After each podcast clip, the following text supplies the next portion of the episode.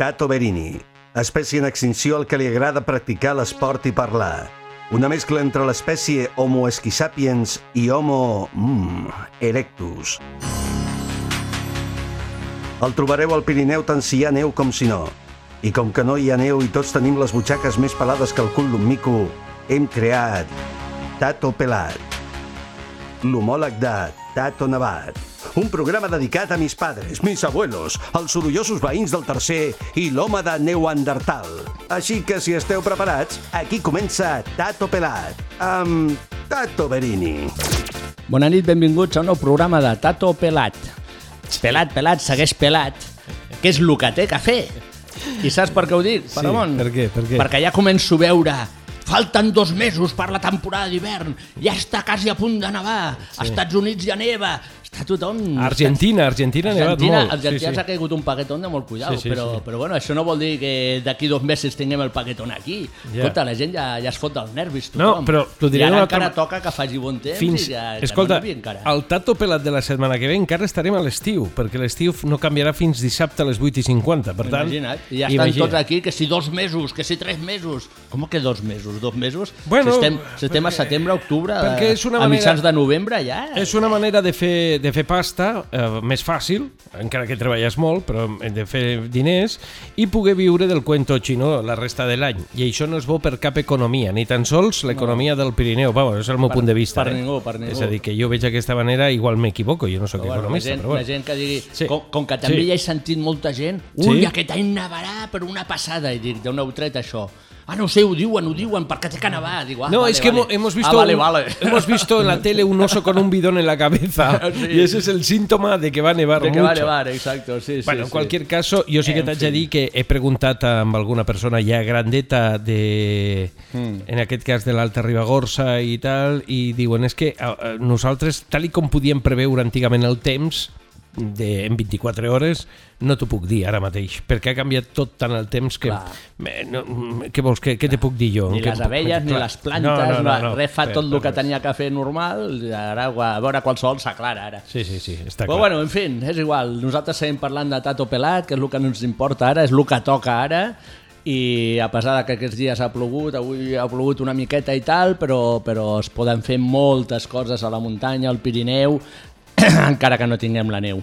La previsió del temps el que sí que ens porta per aquest cap de setmana, si voleu fer activitats, és una situació d'estabilitat meteorològica per demà dissabte, però eh, diumenge potser es complica una miqueta la cosa, però més cap a la part més oriental del Pirineu. Els núvols podrien ser presents, eh? demà no, no farà net del tot, però sí que... Bueno, jo crec que és un cap de setmana que estarà bé, depenent de com te'l miris, mm. i en tot cas el diumenge tampoc estarà mal del tot, però encara que eh, sí que quedaran restes de núvols cap a la tarda i alguna precipitació eh, podria succeir. El Tato que diu és que para una vez que l'aciertes, però avui, avui, avui t'has fotut de peus a la galleda Sí, per no sí, fer-me sí, cas sí, sí. i t'ha plogut. Sí, sí, sí, la veritat és que sí. Però bueno, però escolta, el que anava a dir ara, o sigui, el diumenge no fa massa net i tal, si no cau una tromba, una tormenta bèstia, un xubasquerillo i una volteta a peu, una volteta en bicicleta, això es pot fer, eh? I, Sí, no, home, i no passa nada, eh? No, però, però, que però, si que el cap, mulles, si mulles no t'encongiràs, eh? però que el cap de setmana pinta bé, eh? que no pinta malament.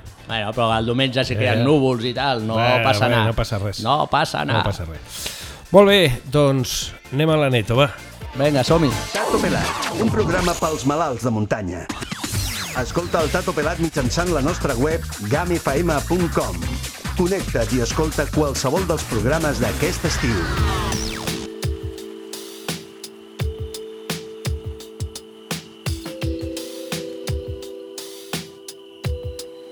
Bien, tenemos esta noche para hablar de, de montañas, del Pirineo, del Aneto que tanto nos gusta y tal.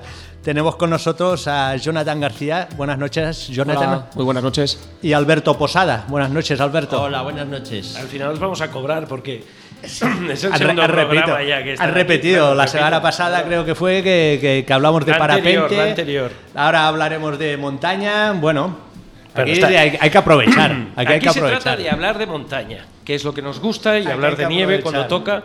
Pero bueno, hoy va a ser un programa muy especial porque eh, vamos a hablar de la montaña, pero en- además en un amplio abanico de posibilidades de montaña, porque Jonathan practica muchas cosas, hemos visto sí, además, sí, ¿no? sí, sí. El cleaving, cleaving. Sí. ¿Qué es el cleaving? La- la- bueno, ahora ya como hay esos nombres ingleses, yo Ah, como sé poco claro. inglés, no, no, digo, no, no hablo en inglés. Todo, todo es cuestión de, de ponerlo raro. Yo no, no hablo en inglés, pero... O sea, sí que creo que hoy en día la montaña... Igualmente tenemos que seguir manteniendo esa disciplina que es acercar la gente a la montaña, no la montaña a la gente.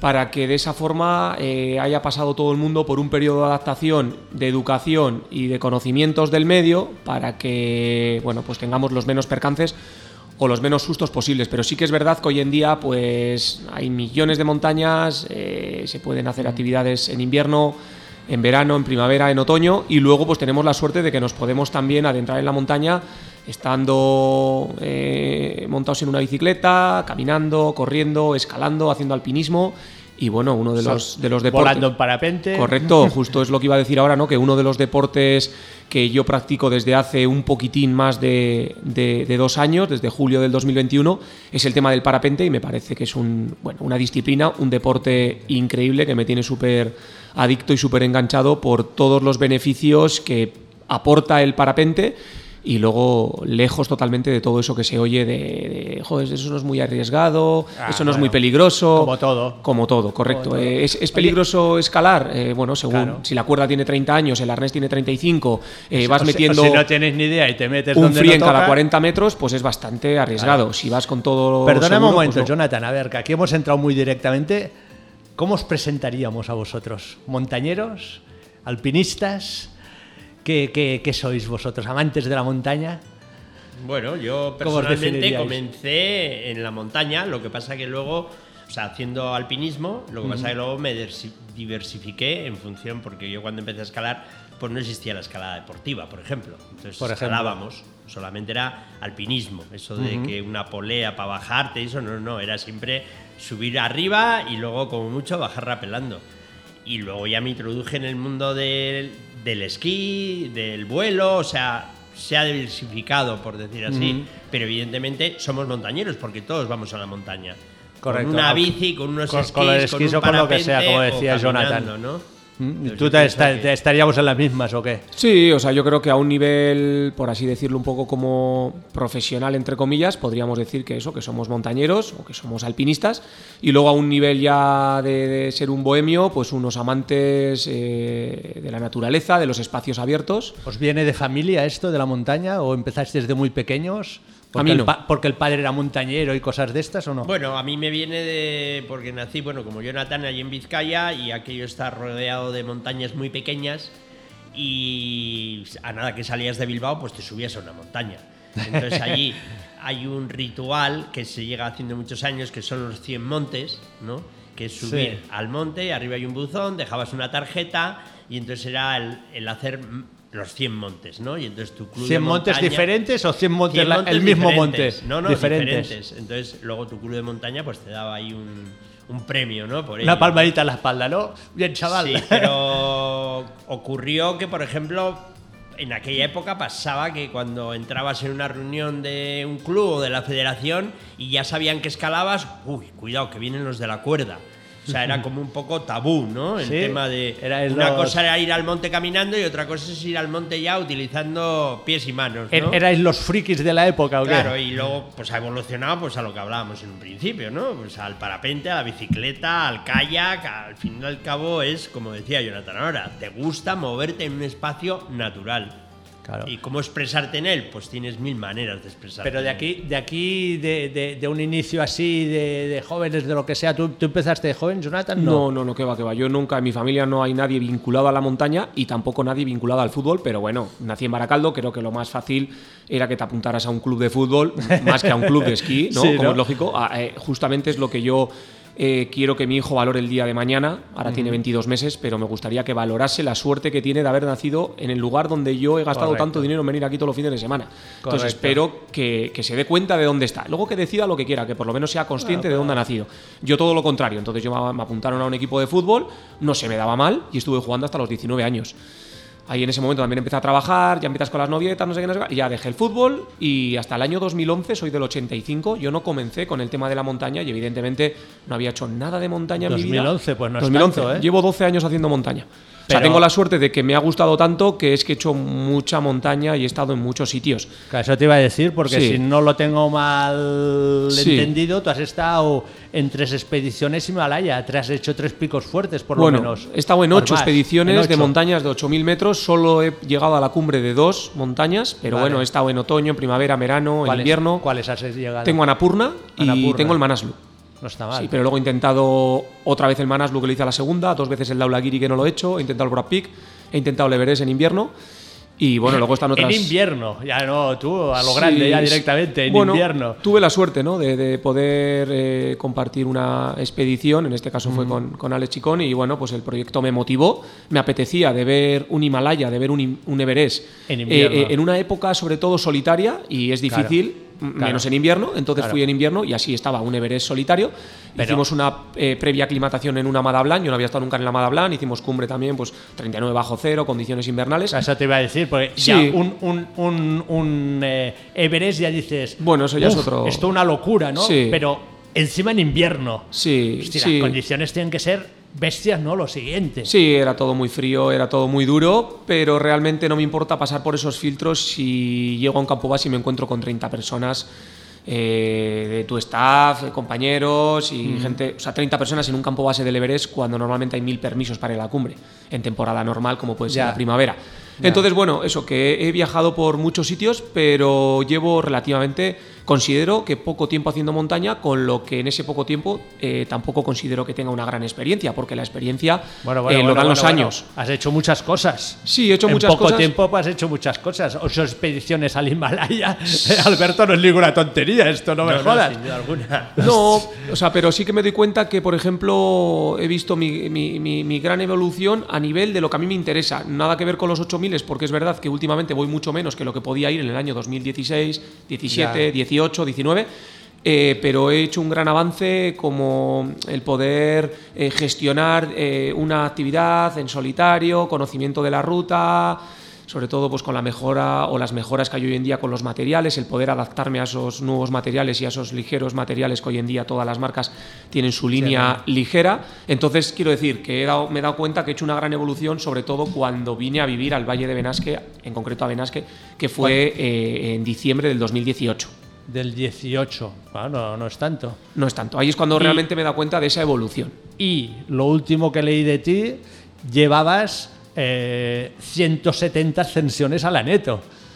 Sí, a, a día de hoy Ahora ya llevo debes llevar 180. A, a día de hoy llevo 180, pero realmente lo que menos me 180. importa o lo que menos valoro son el número, sino es el pensar en todas esas ascensiones, eh, la mejora que he tenido como pues, en el estado físico, en el estado técnico, sobre todo ese avance, esa evolución que he tenido, esa, esa evolución personal que he tenido y el conocimiento de, de la, de la- de la zona, ¿no? Digamos que, que cada neto, como digo yo, es diferente porque parece que dices, joder, no te aburres de subir siempre al mismo sitio, joder, he estado trabajando 15 años en la misma empresa, iba al mismo horario, veía a la misma gente y no lo dejé por aburrimiento, lo dejé por otros motivos, lo dejé por amor, por querer cambiar de vida, direccionarme Claro. hacia otro lado.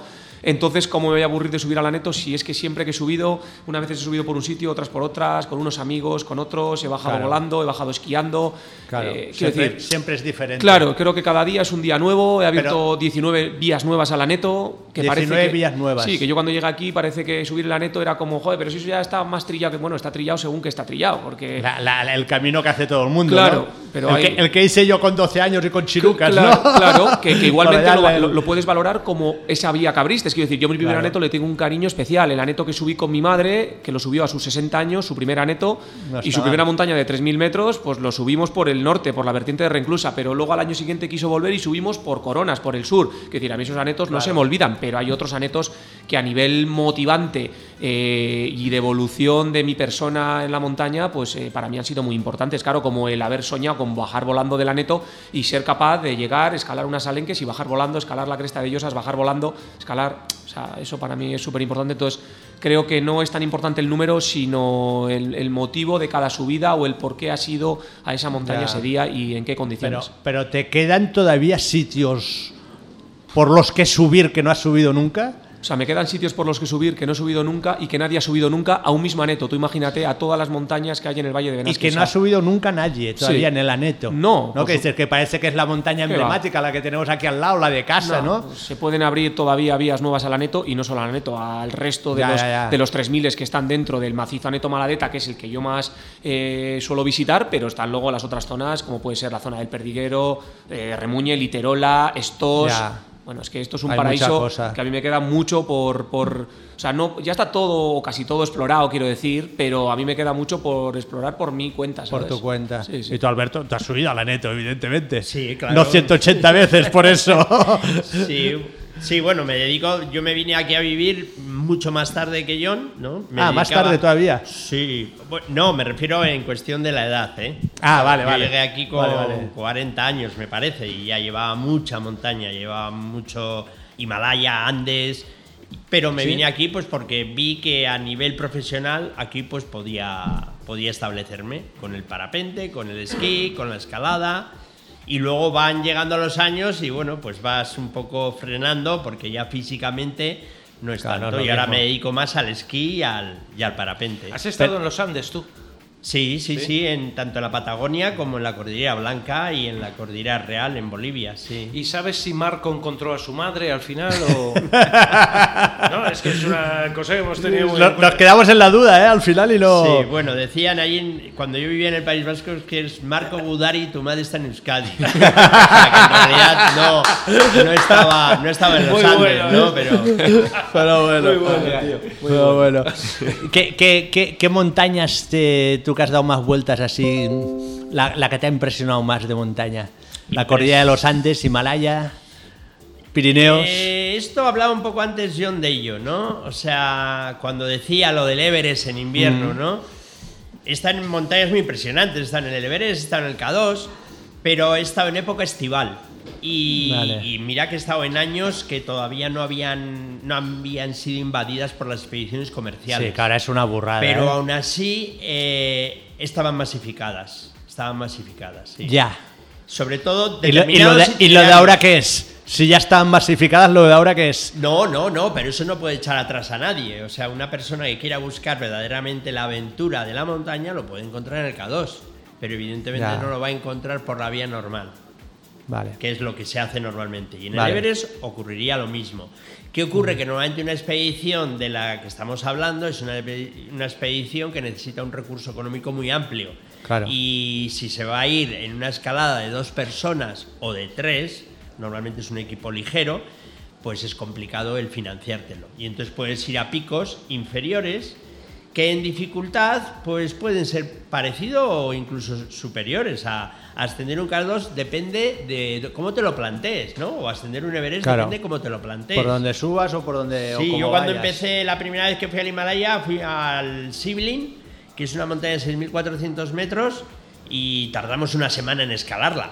Entonces, Una semana. Sí, una semana. Y luego lo comparas con el hacer el K2 hoy en día por la vía normal, con una espe- Bueno, es que si vas por la vía normal es imposible eh, el decir he subido solo. Ya, ¿no? ya, al K2, ya, ¿no? O al Everest, por ejemplo, o al Manaslu o cualquier monte de estos donde haya una expedición comercial y vayas por el mismo itinerario que va la expedición comercial. Correcto. Entonces, como decía John, aquí el, el Aneto lo puedes subir por mil sitios y todavía se puede subir por muchos más sitios. Y no nos pasa como allá. Exacta- ¿No tenemos masificación en Aneto o sí? Sí, sí, vas al Aneto por la vía normal en pleno mes de agosto o en Semana Santa con esquís y puede Y haces haber cola. overbooking en el paso Sí. de Mahoma. Incluso gente que se da la vuelta porque no le va a dar tiempo a esperar su turno para hacer Para el paso subir. de Mahoma. Ostras. Pero en cambio tú te puedes subir al Aneto por un montón de sitios en los cuales no vas a encontrar a nadie. Y Claro, vas a ir incluso por un sitio por donde no ha pisado nadie. Ya. Y, claro, evidentemente el Pirineo no se acaba en el Aneto. No, no, claro, hay muchas montañas. Hay muchas que montañas, claro. Terreno de juego tenemos todo Pero que esto, esto, esto qué pasa, las montañas se ponen de moda. Se pone de moda el Everest y se ha puesto de moda la Neto y todo el mundo, o porque es la más alta, todo el mundo quiere ir a la misma. Bueno, los tiempos evolucionan y entonces lo que yo en mi época allí en Bilbao me iba a escalar al Pagasarri con una cuerda de cáñamo, pues hoy en día te vas al Decathlon o te vas a cualquier otra tienda de deportes y te puedes comprar el equipo. Claro. Y también tienes más gente que eh, imparte formación, que sería lo ideal, ¿no? Claro. Y luego también tienes unas redes sociales que, bueno, pues por un lado van muy bien y por otro lado, pues depende cómo las manejes, ¿no? Pues Mu- mucha información, pero también te provoca la Entonces, masificación, dice, ¿no? "Oh, yo quiero irme a la Neto y se va a la primera tienda de deportes que encuentra y se compra el equipo, pero es que le falta la base, Ya. ¿no? De saber utilizar Claro. normalmente ese equipo. De saber andar y saber Entonces, utilizar el material. Con las redes sociales tenemos tanta, tanta información que a veces nos engaña, ¿no? Nos engaña Claro. el decir, no, no, yo quiero, pero tú verdaderamente tienes conocimientos para o forma física para poder encarar simplemente un aneto por la Un vía aneto. normal, ¿no? Bueno, un aneto ya son 3.400, 3.400 sí. y unas cuantas horas de, de andar, está claro. Y, y ahora menos, pero un glaciar. Bueno, ahí es donde viene otro problema muy, gor- muy gordo, ¿no? O sea, la montaña se va transformando. Claro, ¿Y qué ocurre? Lo que comentas del glaciar, pues cada vez ir por el glaciar al aneto es más peligroso. sí, porque, porque entonces, ya queda menos cada vez. Claro, lo que hablábamos, lo que comentaba antes, ¿no? O sea, tanta información que llega a la gente que quiere, quiere ir a la neto, pero no se informa bien. O sea, Claro. no dice, a ver, voy a la neto, ¿por dónde voy a subir? Oye, lo mismo que la gente dice que se puede subir a la neto, lo mismo tienes a los guardias aquí de montaña que están diciendo constantemente que no vayas a la neto por el glaciar a partir pues, del 1 de agosto. Y simplemente tienes que ver el circo que es aquello. Claro. O sea, esta gente no tiene ni manos ya para, para eh, socorrer a tanta gente que, que- que va sin conocimiento, no sabe dónde Claro. va, ¿no? Claro. Esto es un problema, ¿eh? Un problema muy en la serio. montaña. Muy y por serio. eso, por eso decías tú antes, Jonathan, que te hubiese gustado estar aquí a los inicios de- del alpinismo, ¿no? De, de- de que sea todo como, como más aventura, como más salvaje todo, ¿no? Sí, yo creo que antes era más. eh, o sea, era más difícil llegar a la montaña, pero ese, ese- ese mismo. O sea, ya por eso mismo ya había un gran, una, una gran criba Claro. que lo que hacía ya era frenaba ¿no? a, a- a mucha gente o, o a mí. Evidentemente, igual no me hubiese frenado en un aneto, pero me hubiera frenado en otro tipo de montañas. Claro. que, que yo mismo, eh, quiero decir, igual he llegado a, a sitios hoy en día donde si hubiera nacido hace 100 años no hubiera, no hubiera llegado, Ya. pero no me importaría haber Ya. eh, me he quedado sin hacer eso si es que eso no era para mí. El problema es que ahora lo que hacemos es lo que he dicho antes, que creo que eso es súper importante. Estamos acercando las montañas a la gente en vez de acercar a la gente a las montañas, formándolas. Correcto. eh, bueno, no Ah, sé. porque cualquier, cualquier persona que vaya, ni que sea ya no escalada, pero porque a un aneto tampoco se escala, por ejemplo, ¿no? Si vas por la vía normal, No. pero toda esta gente debería de pasar por un guía, por Sí, un, pero- instructor o, formador o dilo como quieras. ¿no? Mira, el ejemplo que quiero poner, que es muy sencillo, es el siguiente, y igual me meten a la cárcel, pero es muy sencillo. yo, y te, es, yo te saco. Si ahora mismo tú montas un teleférico, Sí. un teleférico que suba desde la Renclusa directo al Paso Mahoma o a la cumbre del Aneto, a la Cruz, Sí. te aseguro que habría más ascensiones anuales, subiría más gente. Ya. O sea, quiero decir que no es una cuestión. eh, Está claro la diferencia. ¿Por qué no subía esa gente antes y ahora sí? Es por la comodidad de poder llegar hasta allí sin dar un paso. Claro. O sea, quiero decir, ¿cómo puede ser que a alguien realmente le guste algo y nunca lo haya intentado? O sea, yo si algo lo intento, por difícil que sea, lo voy a intentar y si no llego, me voy a dar la vuelta y voy a decir esto no es para mí. Tengo que ir a zonas más bajas, a zonas menos frías, a zonas menos técnicas, o, o si quiero llegar aquí a este objetivo, tengo que entrenar para llegar aquí con seguridad. Pero la gente que hace montaña tiene la misma idea que tú o hay mucha gente que van, bueno, claro, lo que decíamos, la masificación, que van como locos, ¿no? Eh, porque en la montaña es muy importante, llegas a un punto y las condiciones no son las adecuadas, media vuelta y para casa. La montaña estará ahí el año que viene y el otro. Ocurre que hoy en día lo que hablábamos, las redes sociales, Ya. si no las sabes manejar, pues te pueden llevar a, a una trampa, por decir así, ¿no? Ya, ya, O sea, ya. Hay un efecto que es el, el decalón, llaman, ¿no? Por el tema de que hoy en día tú vas a una tienda de deportes sí, y puedes... Y es muy tipo, asequible todo. y pues cuando yo empecé en la montaña, pues encargar en Bilbao, en Guisasola Sport, una tienda mítica de allí de deportes, una cuerda de escalada, es que no sabían ni lo que era. Ya. Entonces eso ya te da eh, un, un impulso, ¿no? Para ir a esa montaña quizás sin tener conocimientos. Ya. Otro impulso es que de repente aparece una persona como Jonathan, en la cual dicen, no, pues es que Jonathan ha subido no sé qué, no sé cuántos. Mm. Y la gente no reflexiona y dice, es que Jonathan tiene un montón de años de experiencia. Claro. ¿No? Y mucho entreno. Exactamente. Hay otro efecto que es el del Kilian Jornet, lo mismo. Ah, bueno, claro, De claro, las esto- carreras de montaña. Claro, claro. Ahora todo el mundo es Todo corredor. el mundo, eso es, quiere Y- ser y- y se- y se, Jornet. y se ha quedado más de uno en una carrera. Exactamente. Por no estar en Jonathan, condiciones. pero sin reflexionarse así dentro y decir, a ver, yo tengo las cualidades, yo puedo hacer lo mismo que Claro. esa persona.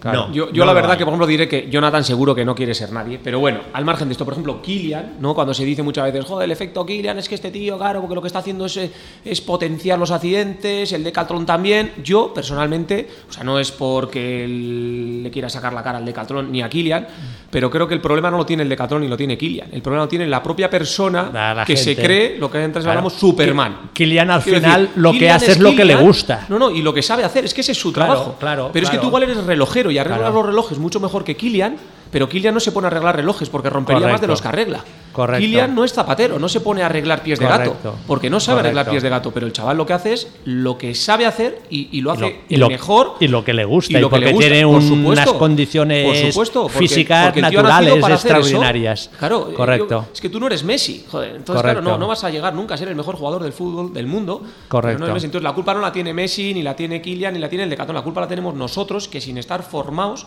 nos ponemos a hacer cosas y nos creemos que porque lo hace este lo podemos hacer nosotros. Y como este va en pantalón corto, voy yo. Pero es que se va en pantalón corto porque tarda 5 horas. Tú no haces lo mismo, tardas 16. Claro. Te va a coger la noche, el día, la siguiente noche y la noche vieja. Y se, Entonces, aguantas. Claro, o sea, creo que ese, ¿no? Por ejemplo, como lo que hablábamos antes, eh, muchas veces dicen, "Jo, ahora es mucho más fácil hacer el K2 y hacer el Everest. Bueno, pues yo lo que digo es justamente lo contrario. Ahora es mucho más difícil subir a la cumbre del K2 o del Everest. ¿Por qué? Porque aunque haya muchas más ascensiones registradas, todas esas ascensiones han subido con oxígeno. Un Claro. 99,9 de las ascensiones del Everest o del K2 se suben con oxígeno. Esa persona que ha subido con oxígeno no ha subido al K2 ni al Everest. Eso es mentira. ya. Es mentira, ¿por qué? Porque tú has estado enchufado una botella que ha simulado una altitud de 6.500. ¿Quieres Claro. que lleguemos a la realidad de todo esto? Te quito en la cumbre la botella y a ver si eres capaz de bajar al campo base. Ni una sola persona bajaría sin oxígeno de la cumbre al campo base, y es de bajada, cuanto menos de subida. Bueno, bajaría en camilla. Bajaría, bajaría con los pies por delante, como se suele decir, sí. y nunca mejor dicho. Y De- como eso todo, o sea, quiero directamente. decir, y el que quiere subir de verdad a la cumbre del K2 sin oxígeno no puede subir. Porque en el cuello botella, al de una hora y media, mira el reloj y dice, me voy a morir aquí congelado. Claro, hay demasiada vuelta". gente Y se da la un- vuelta. y esa es la única persona de las otras 450 que había ese día para ir a cima que realmente se merecía la cumbre del K2. Claro. Y podía decir, he hecho la cumbre del K2. Claro. He llegado a la cumbre del K2. Pues esa persona no va a subir al K2 porque tiene que dar la vuelta por la culpa de todo el resto de gente que está enchufado a una botella de oxígeno. Entonces, ¿cuántas cumbres hacen hoy en día en el K2? ¿Cumbres? ¿Cuánta gente realmente? Ninguna. Ninguna, El, el que quiere subir en un estilo real no puede subir porque el resto que van en un estilo ficticio se lo está impidiendo. Y el resto que dice que ha subido a la cumbre del K2 es mentira, no ha llegado a la cumbre del K2, ha llegado a la cumbre de una montaña de 6.500 metros.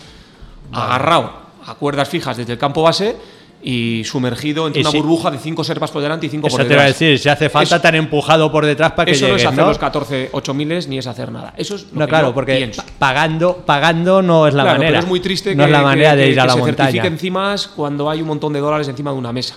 Tendría Ya. que haber un montón de fotos de cómo ese tío ha estado siete días peleando en la montaña, campo Correcto. 1, campo base, campo 2, he Correcto. bajado mal tiempo, no sé qué. Correcto. Bueno, partiendo de la base que la India ha llegado a la Luna mientras el 30% de su población está por debajo del umbral de la pobreza, pues, ya lo hemos dicho Sí, todo, pues es así, imagínate. ¿no? Sí, sí.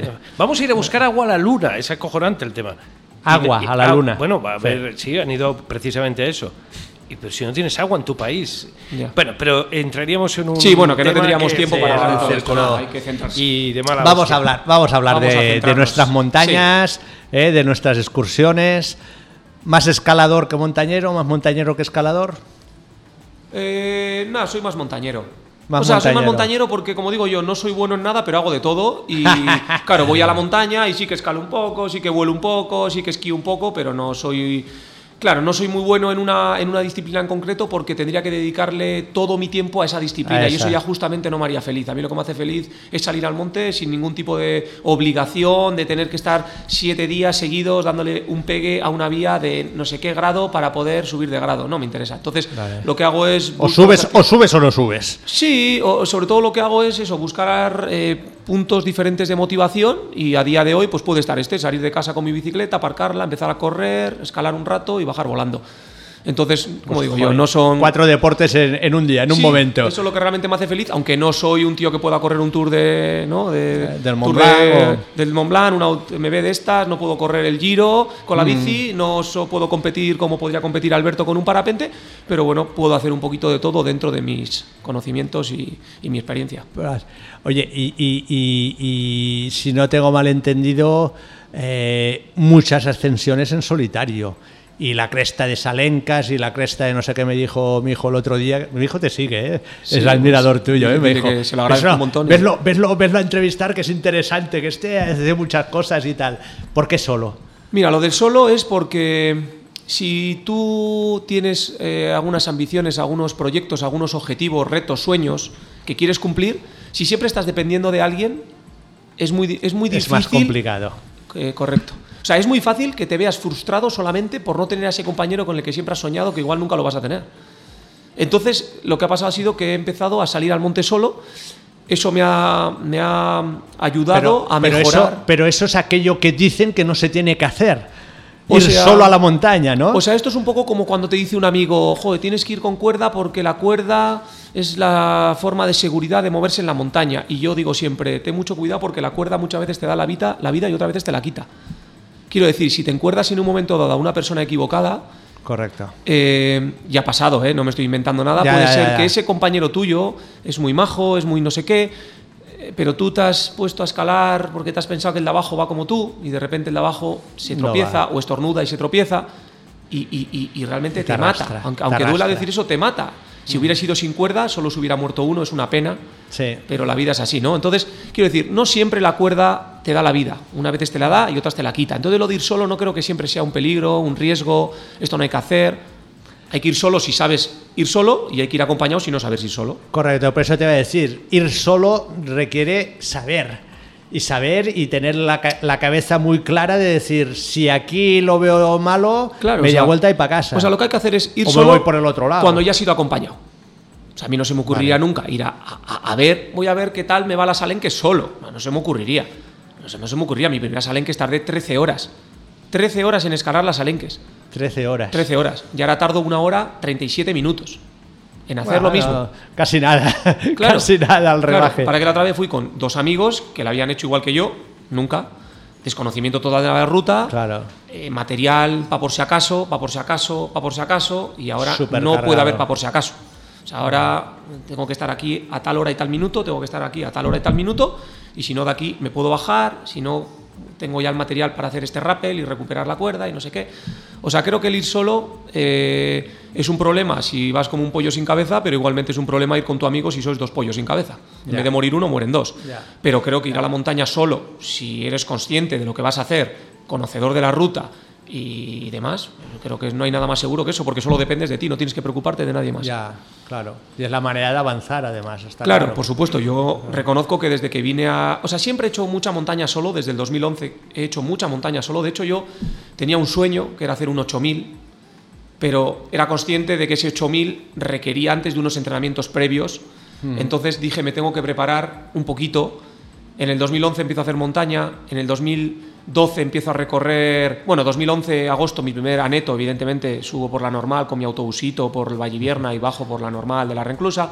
Luego ya empiezo a entrar un poquito en, eh, ah, en tema del invierno, me muevo un poquito por picos de Europa, no sé qué. Y en el 2013 digo, me voy a hacer tres montañas de los Alpes y elijo Gran Paradís para aclimatar, Cervino y Monterrosa. Y me voy al Cervino solo, y allí me desenvuelvo como puedo. Una montaña, evidentemente, que a día de hoy está muy rota, pero es muy fácil, tiene maromas, tiene no sé qué. Sí, pero sí. bueno, para no haber hecho nunca en tu vida un 4000, el primero el Gran Paradís para aclimatar, no había estado nunca todavía en el Mont Blanc, me fui al Gran Paradís, me hice el Cervino, me hice el Monterrosa y volví.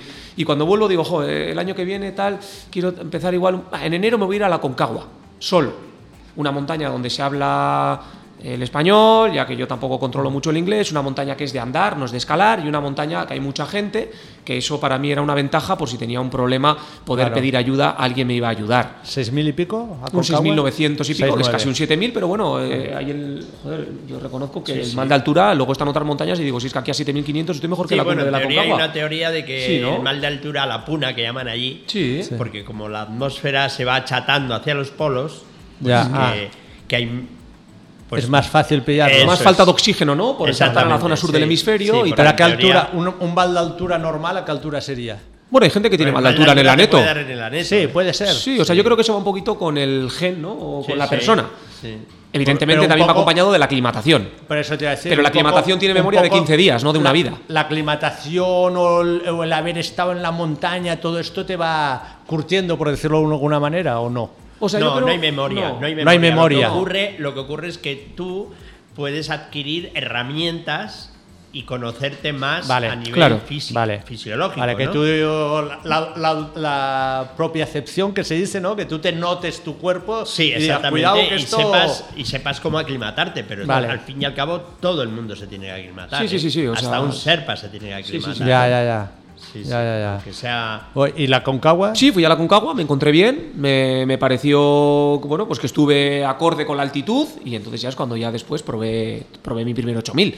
Pero quiero decir eso, ¿no? Que, que, eh, joder, que hay, que ir que hay que ir poco a poco o no tan poco a poco. Claro, quiero decir, joder, yo ahora miro mi currículum, que me gusta a veces verlo, sobre todo para recordar cosas que he hecho, que lo tengo todo guardado. Todo en disco documentado. duro y lo veo todo documentado y digo, joder, pues estoy contento eh, el haber empezado en el 2011, en estar en un 2023, eh, hago un, un paso atrás de 12 años y no, no he hecho grandes cosas, pero bueno, reconozco que, joder, en 12 Pero años hecho, he estado hecho. en varios sitios, eh, he estado en Perú, he escalado el Alpamayo, he estado en, he hecho lo- todos los 4000 del Atlas, eh, yo qué sé, quiero decir, bueno, pues que he estado, que he hecho cositas, he estado en Irán, he hecho el Damaván, he hecho...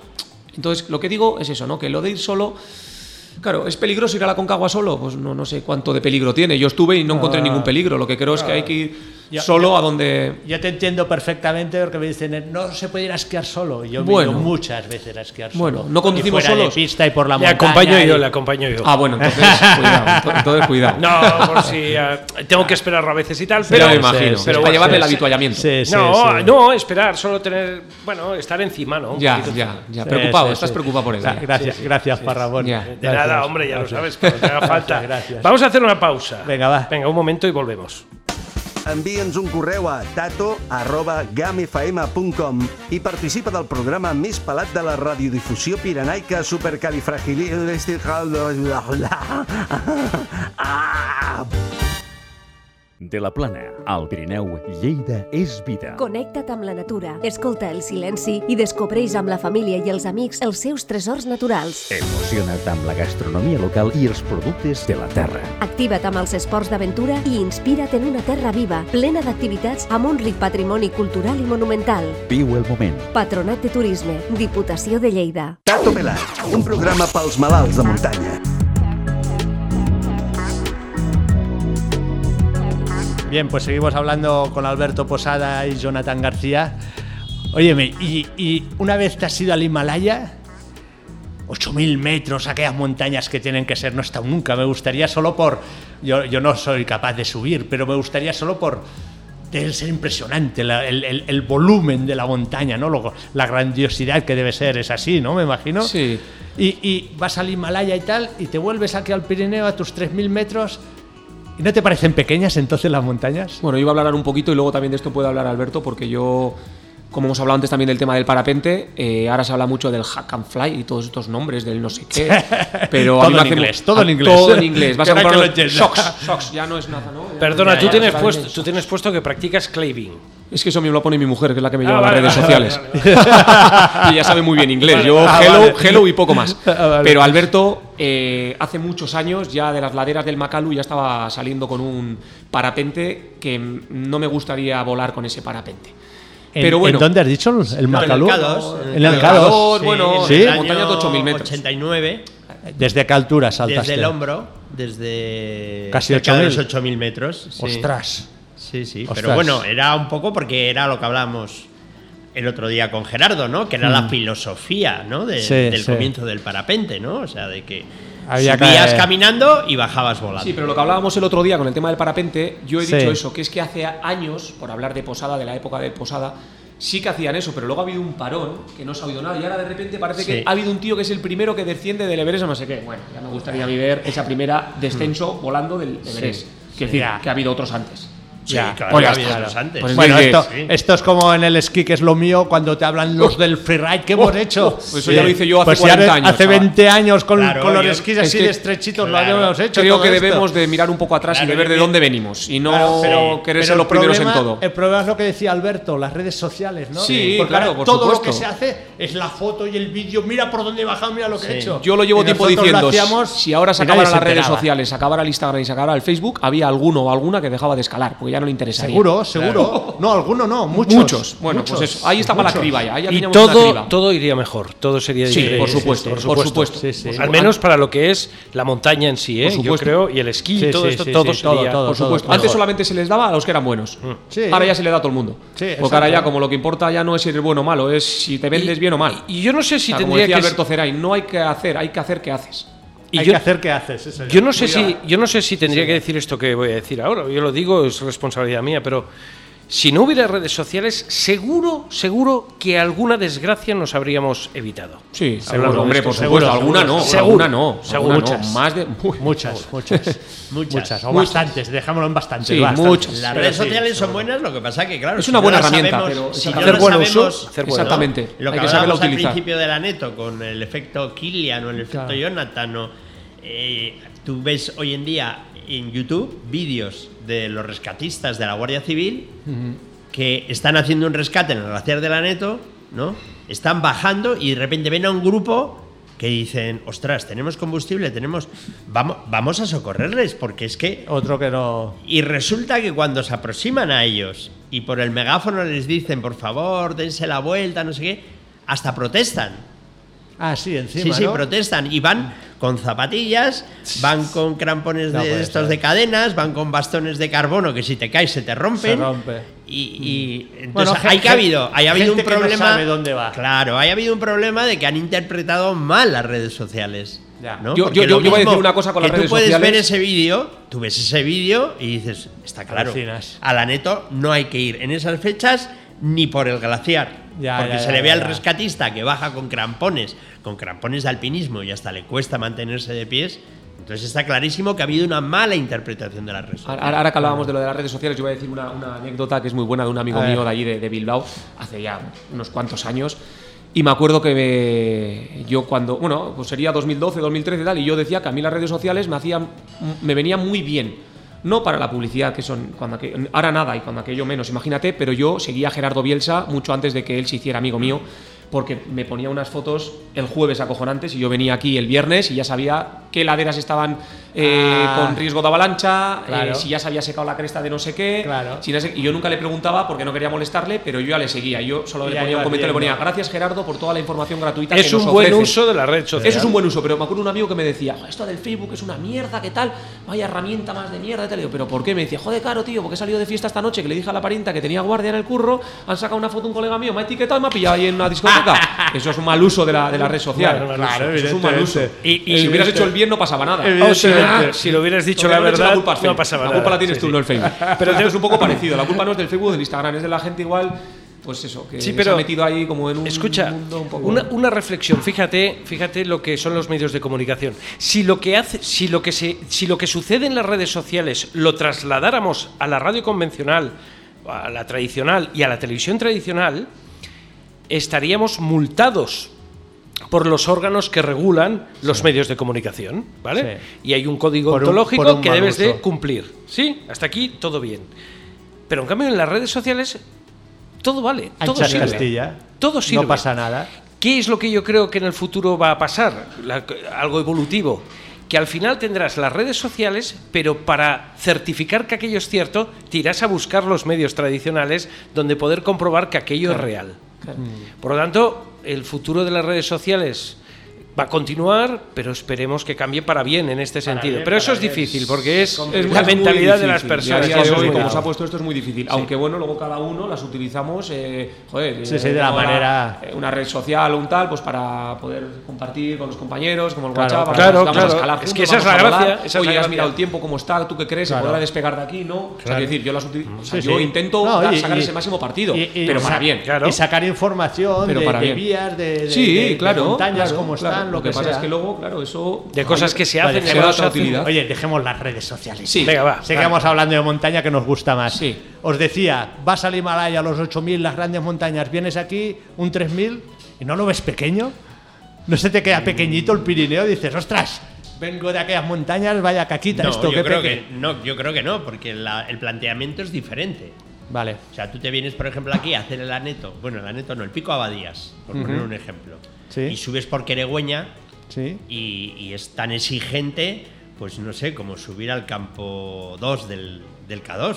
Sí. O sea, físicamente sí, sí, sí, porque el desnivel es muy amplio, el terreno es, es difícil, es Técnico, complicado. Es complicado. O sea, técnico en cuanto de caminar y entonces, evidentemente, tú eso lo podrías hacer en un día o día y medio y lo otro, pues más o menos te, te parecería parecido, vamos. Parecido. Sí, sí. O sea, que las dimensiones, sí, evidentemente, eh, son más grandes, pero se plantean de otras maneras, ¿no? O sea, Claro. Claro. Podríamos decir que tenemos un Pirineo como Dios manda. Suficiente para, para disfrutar y, y de una belleza espectacular. Claro, también. porque tú date cuenta que de todas formas, si tú vas a una montaña, como puede ser el K2, tú no empiezas de cero metros a subir esa montaña, como no Ah, bueno, empiezas claro, el aneto a subirlo de cero metros. Evidentemente. Pero tú aquí ya el aneto, pues lo vas a empezar en la Besurta, que son 1700 o 1800 metros, y el K2 lo vas a empezar desde el campo base a 5000 metros. O sea que. Tampoco es tanta diferencia uno del otro. Sí, Vendría a ser bueno, casi la lo gran mismo. diferencia son montañas más nevadas, más grandes, lógicamente, ¿no? Ya, pero Y bueno, pero el con desnivel, el desnivel viene a ser Eso 3.000 es, metros. eso es. o Y poco entonces, ¿qué más. ocurre? Que la altura, pues es lo que te mina, ¿no? En una montaña Claro. de esas. El aclimatarte a la altura y aparte que nunca vas a funcionar como funcionas aquí. Te va a costar siempre mucho más. Claro, Pero por la altura. Estas montañas son muy buenas montañas, Mm. como pueden ser los Alpes. Todo depende de cómo te lo plantees. Es así. Ya, ya te veo. ¿Algún proyecto interesante en vistas? Ah, o sea, fuera de aquí no, ¿Y aquí? y aquí muchos. O sea, muchos, muchos, muchos, muchos. ¿Te haces sí. una lista? ¿Tienes lista o qué? Sí, sí, sí, sí, sí, porque esto es lo que digo, o sea, como tiene mil formas de hacerlo, puedes ascender de mil maneras, descender de otras mil, encadenar una cosa con otra. Entonces, bueno, pues ahora mismo estoy con ganas un poquito, o sea, todavía me apetece escalar un poco en roca y tal, pero es verdad que el verano ha sido muy largo y muy caluroso y muy duro por el calor. Sí, por el entonces calor. llevo ya mm, va- varios meses, nunca estoy tanto tiempo con pie de gato, entonces ya también me apetece un poco que cambie un poco la cosa, que empiece a nevar, que se ponga todo un poco en modo invernal, empecemos ya a esquiar un poquito, empecemos un poquito a escalar ya a ver si viene el frío, la nieve, algo de hielo, tal. Y pues ¿Hielo, tengo, tengo hielo algún- por aquí? ¿En Sí, o sea, normalmente sí, sí, Sí. sí, Bueno, joder, con hielo, todas las canales, claro, date cuenta que por aquí todas estas paredes nortes, bueno, sures es igual, oestes, oestes, eh, muchos corredores empiezan a 3.000 metros. Tienen 300 Claro. metros de, de longitud más o menos y acaban en los 3.200, 3.300, me da igual, tempestades, eh, abadía, Russell. eh, O sea que en, invier- en invierno son, Sí, son hombre, esto en escalables invierno con es hielo. un paraíso para, para hacer eh, combinar esquí de montaña con escalada y ya no te digo nada, bajar Sí, volando. sí. Si te gusta la volando. montaña, si te gusta la montaña, que tienes uno de los mejores terrenos Sí, de juego que existen. Sí. En el Pirineo, ¿eh? Sí. Hay otras Temporada montañas, invernal, evidentemente. temporada invernal, Ordesa es un sitio muy bueno, en verano, tal, para escalar, claro. pero luego en invierno eso, Sí. el resto de zonas del Pirineo, así alguna zona muy concreta, ir- el Valle de Boy y tal, hay zonas de hielo, Sí, tal, sí. pero como agujeros para caminar en nieve, abrir huella, esquiar y escalar corredores, Sí. o sea, esto es un paraíso, Y o sea, volar, empiezas volar en en el-. Yo hay días que, es volar en que no, me, parapente. no me da la vida. En invierno, por ejemplo. sí, sí, porque- es verdad, es verdad. Porque estoy ahí arriba dando, enseñando a la gente a esquiar. Muchos días ¿no? nos juntamos cuando él baja de trabajar Claro. y nos juntamos aquí en Antenas, él baja de, de, de- de Cerler y enganchamos en Cerler y bajamos volando. Y bajamos volando. Ah, en invierno. Y bien. además, lo que hablabas antes del hielo. O sea, Sí. este invierno, por ejemplo, se ha dado. Normalmente los inviernos aquí, cuando son fríos, no son nevosos, no hay mucho, no suele nevar mucho. Ya, pero, ya. pero entonces todos esos torrentes se forman de Se hielo. quedan helados Y todos. este invierno a mí me ha pasado lo mismo que decía Jonathan ahora, de bajar, quedar con él y volar. Me ha pasado bajar con una compañera de, de la estación de esquí que nunca había estado aquí, terminar de dar las clases, bajar, irnos a la, a la ruda, que es aquí al lado, a la misma altura de Benasque, y escalar una cascada de hielo de Sí, sí. 35 metros o algo así. O sea, que si verdaderamente te gusta la montaña, este es tu sitio. O es el sitio para, Sí, para Por, eso sí. vinisteis vosotros. Tal Yo cual. sí, personalmente. O sea, esto fue combinado, en mi caso fue combinado con amor, por, Sí, sí. por- por mi mujer, por Sara, Mm. pero evidentemente si Sara llega a vivir en un sitio donde no está lo que a mí me apasiona, le diría, chica, pues paso, vente tú a mi casa. Claro, claro. Pero claro, es que yo quería salir de allí, venir aquí y ella no se quería ir de aquí, entonces fue todo muy fácil. Óyeme, óyeme. Mm. Tu mujer, Sara, Sí, tú solo por la montaña. Sí. ¿Y tu mujer sufriendo? no. ¿No? No, la verdad que no, porque es una persona que, que confía, confía mucho en mí. Y luego algo que siempre digo que me parece muy importante, bueno, siempre eh, le agradezco a ella el 100% de, de mis éxitos a nivel deportivo, porque me parece que es muy importante que lo que tienes en casa no solo respete lo que haces, que eso en ocasiones es difícil, pero lo que suele ser imposible, que en mi caso no lo es, es que lo compartan. Que lo comparta. No solo que lo respeten, que lo respeten hay veces que igual, incluso hablamos de los padres de mi mujer. Claro, yo he venido aquí, mi madre se ha quedado en Bilbao, pero los padres de mi mujer viven enfrente nuestro y tal. Quiero decir, también ellos en algún momento dado podrían decir, joder, este tío todo el día arriesgando por ahí, está más tranquilito en casa con su niño, se va Claro, al parque y tal. claro. Nunca, jamás. Nunca. Nunca, ¿Cómo, cómo ha jamás. cambiado lo de la suegra? ¿eh? Nunca. Yo, yo tengo que decirlo así, es verdad. Si fuera Ajá. de otra manera, no lo diría. No lo diría. No, le, le dirías que te acompañara. Bueno, eso.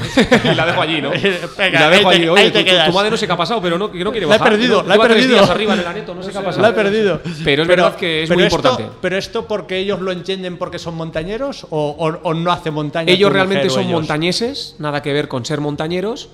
A ver, Pero ahora me he perdido. montañeses han nacido aquí, en la zona de la Vale, montaña. en la montaña. de Son de la montaña, claro. Vale, todo vale. lo que yo he escalado aquí en el Valle de Benasque, se lo conoce todo. Todo.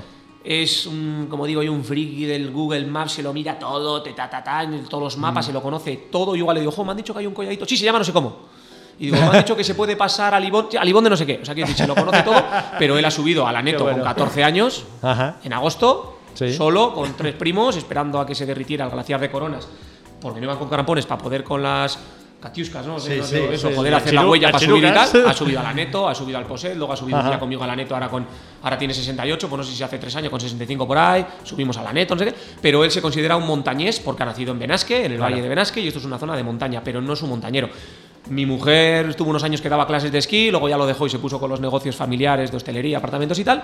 Mi suegra nada de nada y mi cuñado, su hermano, pues sí que también se ha dedicado un poco al tema del esquí, dar clases y tal, pero no son gente escaladora, son gente que tiene No. trabajos, nada que ver. Tu eh, mujer, tu mujer no te acompaña a la montaña nunca. jamás. Hemos subido alguna vez a la Maladeta, Vale. eh, por el corredorcito Pero de la Rimaya. pero muy esporádico. Bueno, eso. Ha podido hacer, pues eso, dos anetos, dos maladetas conmigo y ir a escalar un día a Guayente. En, en- en los cinco años, seis que vamos a hacer de relación. Quiero decir, ¿Ves? no- Yo ya le digo a la mía que no voy a ir contigo. ¿Ves cómo hago bien? Claro, claro. Si yo lo digo, bien. no hay nada mejor que no manía, compartas con- no, esa, claro, esa- claro. esa afición, es- ese hobby con tu mujer. Luego ya son todos rollos. No, no, con el Alberto no vamos a escalar porque joder, no me gusta El otro mucho. día me ofreció- no vamos a escalar. Hoy no me apetece pasar frío y al final solo escalas con la chavala. Y cuando ya no eso, ya no tiene ni colegas. Nah, El otro la día- chavala en su sitio, tú en el tuyo. El otro día, el otro día me ofreció ir a correr. Hostia. Y digo, pues no, dice, solo un kilómetro. Digo, no. No, como que no. No, eso depende. Como que no. Eso depende de las personas, no, no tiene, Yo no soy tiene de nada que ver. esquí solo. Va como- ya está, sí. tengo Yo, por bastante. ejemplo, con mi, con mi chica, pues tengo la gran suerte Sí. de que le gusta, de que es muy buena esquiadora, escalar menos y también vuela en parapente. Pero nos hacemos nuestros viajes ahí al Himalaya a volar en tándem. Y- A volar en tándem. Sí, sí, con el parapente de dos, pues hemos estado ahí en el Karakorum y hemos hecho unos vuelos espectaculares. Ostras, Pero bueno, porque a los dos nos gusta, ¿no? Porque a los dos nos, Pero nos motiva. Eso está bien si no pasas el límite de, eh, del- de- del calzonazo. Es decir, cuando dices, Claro. porque, porque- sí, sí, porque esto puede pasar, no será Sí. tu caso. Pero acabas convirtiéndote en un calzonazo. Yo sé de un caso en concreto. ¿Ves? Yo sé ¿Eh? solo- solo a, ver, un- a ver los hilos. Bueno, Bueno, no, depende, Igual depende uno más, de- pero así como muy fuerte y duro de uno en concreto. Depende de la relación, pues sí. pero es verdad Sí. que también hay mucha gente que comparte actividad con su pareja y están encantados de la vida, se van a escalar Hombre, millones de tal. Sí, sí, sí. Pero bueno, yo, la verdad que en mi caso, Estoy muy bien así y no Y nunca he echado en falta. Sí, jo, sí, sí, Ojalá mi pues, mujer no escalara conmigo, es nunca lo he No echado en falta. Nunca. Claro, es que es así, depende Pero, un poco claro, de, sí, de cada persona. la combinación, Sí, ¿no? De- claro. Bueno, yo, yo no tengo pareja, pero yo escalo gracias Sí. a mi hijo. Claro, Ajá. pues mira, pues bueno. Es tu voy a esa es tu escalar pareja, con mi claro, hijo. tal Y cual. vamos a claro. escalar juntos y lo pasamos bomba. Es tu Pues qué pareja. bien, qué guapo.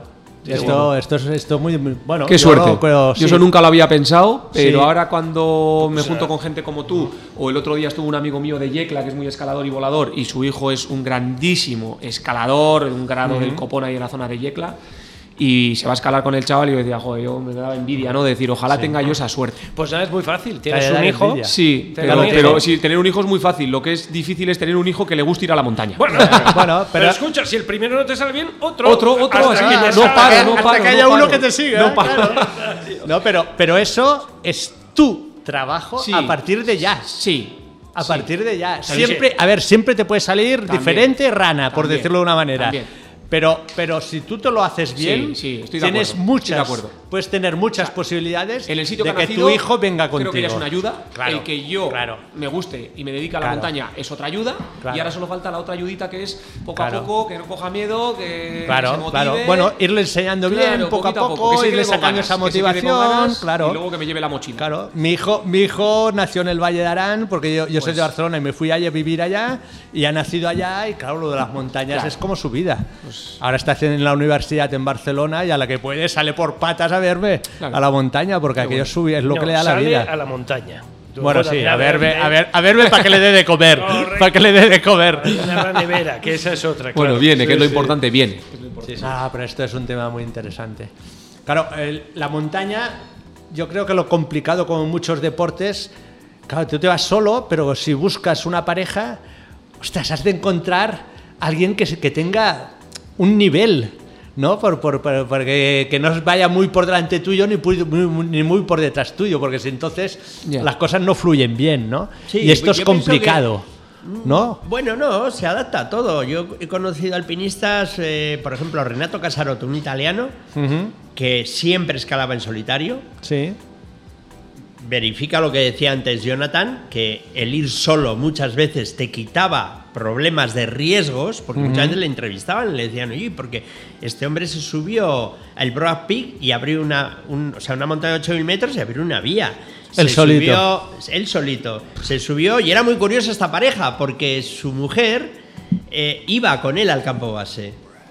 Y ella estaba en el campo base mientras él estaba haciendo su trabajo en la, en la En la montaña. montaña. Entonces hay parejas que, bueno, pues eh, tienes eh, esta otra francesa, eh, Leroy, que va con su marido y se han hecho los 14 8000 Ah, en, sí, bien, en- en una bueno, sí eso es con en dos, unas condiciones los dos muy juntos. éticas Sí. a lo que comentábamos Sí. antes o sea se han hecho los 14 8000 sin oxígeno y unas condiciones muy Bueno, éticas son la primera pareja en el mundo, ¿no? En Exactamente, y fueron 8.000 los como marido y mujer. Y hubo, un- Ostras, y hubo- No está mal, ¿eh? Y hubo una época en la que tuvieron que dejar su proyecto porque él le enfermó. Sí, sí, sí. Ya. Y al final se recuperó y consiguieron terminar el proyecto. Entonces, pienso que lo de las relaciones Sí, eso es de, muy- de pareja es. Depende de muchos factores. Depende de muchísimos factores. Sí, porque a veces puede unir, pero también puede También, desunir. correcto. Exactamente. Correcto. Exactamente. pasar Sí, cosas. sí, sí. Claro. Y luego puede pasar lo que decías tú, que él escale mucho, o viceversa, y ella no, o ella sí y él no. Y claro, es como, coño, es que chica, yo contigo me aburro, chico, yo contigo Sí, me sí, aburro. O claro. también hay casos que los dos son dos máquinas, Claro. que están por ahí abriendo unas vías brutales, Bueno, eso- eso es canadienses, la- austriacos. Esto es- esto es bestial. Pero bueno, oye, pues tiene que haber de todo. Eso es la hostia. Conseguir eso es increíble. Pero bueno. Ay, eh, es interesante el programa.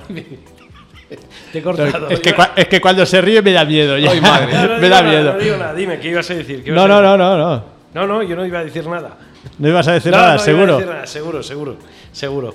Eh, Qué miedo me da. Oye, está- no, estamos a pocos minutos para acabar. Nos quedan, ¿Se acaba ya? Nos quedan, sí, seis minutos. Hala. Eh, y pasa el Pasa tiempo muy volando, rápido. ¿eh? Sí, ¿Qué nos dejamos en el tintero, Tato? No sé, eh, ¿qué, qué- qué podríamos Yo- hablar? ¿Alguna gustaría- cosa que...? Yo quería preguntar, pero bueno, esperaba un Pregunta, poco más al pregunta, final, pregunta. Ah, ¿Se puede subir ahora la neto? Sí, claro. claro. Poder sí. Sí, sí, porque- sí. sí, Bueno, pero, pero es lo que decíamos antes, Sí. que están diciendo que por la No, vía normal, sí, cuidado y todo es, esto. eso A eso es. voy, a eso. Volvemos a la Hay- redundancia de antes. Hay, no, no, Si hay informas- un momento, un momento. Hay indicaciones de las autoridades de no subir el aneto. ¿Vale? Pero hay varias maneras de subir a la neto. No, de no subir por determinados Po- sitios. Correcto. Bueno, vale, Exacto. dicho de esta manera. Sí. Entonces, ¿qué hay que hacer? Aquel que quiere subir a la neto, ¿qué debe de hacer? Sobre todo, el que no ha subido nunca, guía. Eso es imprescindible, ¿sí? Sí, subir a la claro, neto. si eres una y más en estas condiciones que tenemos de poca nieve y demás. Claro, si eres una persona que técnicamente las técnicas básicas que son necesarias para subir una montaña, las características de la neto, pues yo aconsejaría que contrataras un guía, evidentemente. claro. Y él ya te va a decir si tu condición física es la propiedad o no. Pero por, y para que, ir por un sitio o por otro. pero por lo que yo sé, eh, tú puedes eh, contratar un guía de grupo, pero si uno del grupo se va, se van todos. Uno quiere, se para y dice no puedo más. De dónde se dé el, el lugar en el cual claro. quieras abandonar el barco, por decir así. Claro. Lo Yo digo porque años trabajando como guía de montaña y bueno, y sigo trabajando como guía de montaña aquí. Ahora ya siempre lo hago en invierno con esquís. Si Ya. es sin esquís, Más más mis cómodo. rodillas no lo permiten. El subir y bajar caminando como Ya. lo hace Jonathan, ¿no? Sí, sí, yo tampoco. Y entonces, pues bueno, depende de dónde toque, pues igual tiene que renunciar todo el grupo o no. Vale. Y luego ocurre también que no solamente subes solo a la montaña. Entonces te puedes encontrar con un guía que conoces, que él se va a dar la vuelta, puedes re- rearmar el Re- grupo. reubicar, O sea, claro. no es, no es tajante. Lógicamente, a una persona sola no la puedes dejar en la montaña. Vale. Claro, y porque claro, ir con un guía solo para ti, eso no es barato, tiene unos costes. Bueno, no es barato, depende de cómo te lo mires, va, va con- va contigo. Claro. Va Solo para ti. Claro, ¿eh? y te va- Pero bueno, eso es como quien va a aprender a esquiar y quiere Eh, una hora una- particular. una clase particular, O quiere claro. una hora de, de curso, ¿no? Entonces, ¿qué pasa? Que no es lo mismo un profesor el, el intentar transmitir sus conocimientos a seis personas a la vez que solo a una persona. Claro. Entonces, O sea, claro. yo, yo- yo no soy guía, no trabajo de guía, no tengo la titulación de guía, pero a mí lo que sí que me molesta es que una persona no le importe ir a una tienda de montaña y gastarse 200 euros o 300 euros en unas botas que solo las va a utilizar ese día, pero no valora el trabajo y la labor de esa persona que lo va Pero- a acompañar y eso lo va pasa- a llevar y lo va a guiar hasta la cumbre pero, de la neto con eso, seguridad. pero eso en España pasa mucho. Claro, por supuesto. Aquí, Eso- eso en aquí Francia no pasa. te- exacto, lo Eso que te decir, no te pasa. vas a los Alpes Claro. y la gente, todo el mundo pilla un guía con esquí, con montaña, con lo que sea. En cambio Claro. aquí todos sabemos Todos mucho saben y un todo, guía para qué. todo, Yo ya subo, yo ya sé. Y luego pasa lo que pasa. Claro. Luego Por pasa eso, lo que pasa. insisto en esto, se puede subir a la neto, todo el mundo más o menos puede subir a la neto. Creo que solamente deberían de subir las ¿Vale? personas que sean conscientes de que en un punto a lo mejor se tienen que dar la vuelta y no, Y no pasa, pasa nada. nada. Y Y no pasa pasa y no nada, pasa claro. nada. Toda esa gente ya está preparada para subir a la neto. Claro. Pero si no lo está, no pasa nada, porque se va a dar la vuelta. Lo que no, lo que sí que pasa es cuando está ya que no puede ni caminar y sigue y sigue y sigue y sigue y luego Sí, claro, lo tiene que por- bajar. Por narices hay que subir. Hay que ¿no? organizar un equipo de rescate, poner un helicóptero en marcha, un piloto con unos rescatistas, jugarse la Que- vida, que se porque la están oye, jugando. los vuelos son muy bonitos, pero bueno, ya me Claro, entiendes. claro, están Para sacar a jugando. un chico que es que estoy cansadito. Pues eso no me parece. Eso es lo que no tendría Correcto. que ser. Pero es interesante saber que todo el mundo puede subir a la neto. Todo el mundo, Sí, más o si menos tiene sí. la cabeza en su Bueno, sitio y un, y, y tiene un poco, un poco de condición física, un Sí, mínimo de claro, condición por física, supuesto, está claro. Oye, eh, yo te quería preguntar, ¿en la Neto hay paredes escaladas muy bestias? ¿Te puedes complicar mucho la vida subiendo? Mucho. O ¿Hasta sea, qué- mucho. hasta Yo, yo recuerdo la vía más dura que abrí con, con dos compañeros, eh, en este caso son dos rescatistas del equipo de, de aquí de Benasque del Grain. Eh, es una vía que tiene pues, un paso, creo que salió 7A2 y son 425 metros de escalada. Ostras. Esto está en la vertiente Barrans, a la derecha del Collado Salenques, digamos. Y en ese paredón que hay allí, pues allí tiene a la derecha de, de- de la norte del, de la norte del Tempestades, ahí, ahí está el paredón norte-noreste de la Neto y ahí tiene, bueno, ahí, ahí abrimos tres vías. Eh, Una era 6C, otra no sé qué, pero había una que recuerdo que tenía un techo y no sé qué. O sea, quiero decir, te puedes complicar lo que quieras. Y, y- y más por abrir todavía. Sí, por supuesto que hay más por abrir. Sí, sí, sí. Abrir más sin ensuciar lo que ya hay abierto, que también es, también es importante Exacto, tenerlo en cuenta. exacto. Lo Porque que ya no es abrir se- por abrir. lo que se claro, porque y ya hoy en día he abierto una vía, tal, ya he pisado 17 vías más que había. Ya. Pues hombre, eso no es así. Tampoco Pero es. abrir en una zona limpia, dejando metros de distancia a la izquierda y a la derecha de otras vías, todavía se puede abrir en el aneto. Lo para claro que lo que queda es ya queda poco, queda difícil y muy Más- roto. Más complicado. Entonces, claro. claro. ahora ya, pues el que vaya allí, claro, los que abrían al principio, el Escudier, el Arlau y todos estos, pues abrían sus cuartitos más, quintitos, porque Claro. era para lo que les daba. Ahora Ya, ya, ya. de eso ya no queda, quedan marrones y con bloques como lavadoras que se caen. Bueno, hay que adquirir un compromiso más elevado, pero queda por abrir. Perfecto, perfecto. Oye, se nos acaba el tiempo, me parece, otra Sí, vez, sí. ¿no? Sí, sí, hemos acabado. Qué pena. Sí, Pero bueno, sí, hablar sí, otros bueno, días, estabas no hablando-. Sí, no hay problema. Yo muy, a, yo muy a gustito hablando con vosotros de la montaña, no sé, me ha parecido un tema muy interesante. Pues nada, el año, el año que viene más, a ver, Oye, a ver si ya vas por las 190. Bueno, espero, espero. Si 8 o 10 en un año, mal vamos. no me preocupo. Bueno, pues oye, muchas gracias Alberto y Jonathan por haber venido a hablar de, de las montañas, ¿no? Nada, gracias a vosotros. Gracias a vosotros. El año que viene más. Así será. Sí, más y mejor. Vinga, i fins aquí el programa d'avui. Us esperem la propera setmana. Nou programa de Tato Pelat. Tato Pelat. Tots els divendres de 9 a 10 de la nit a GAM FM. I de 8 a 9 del matí, el dissabte, repetim.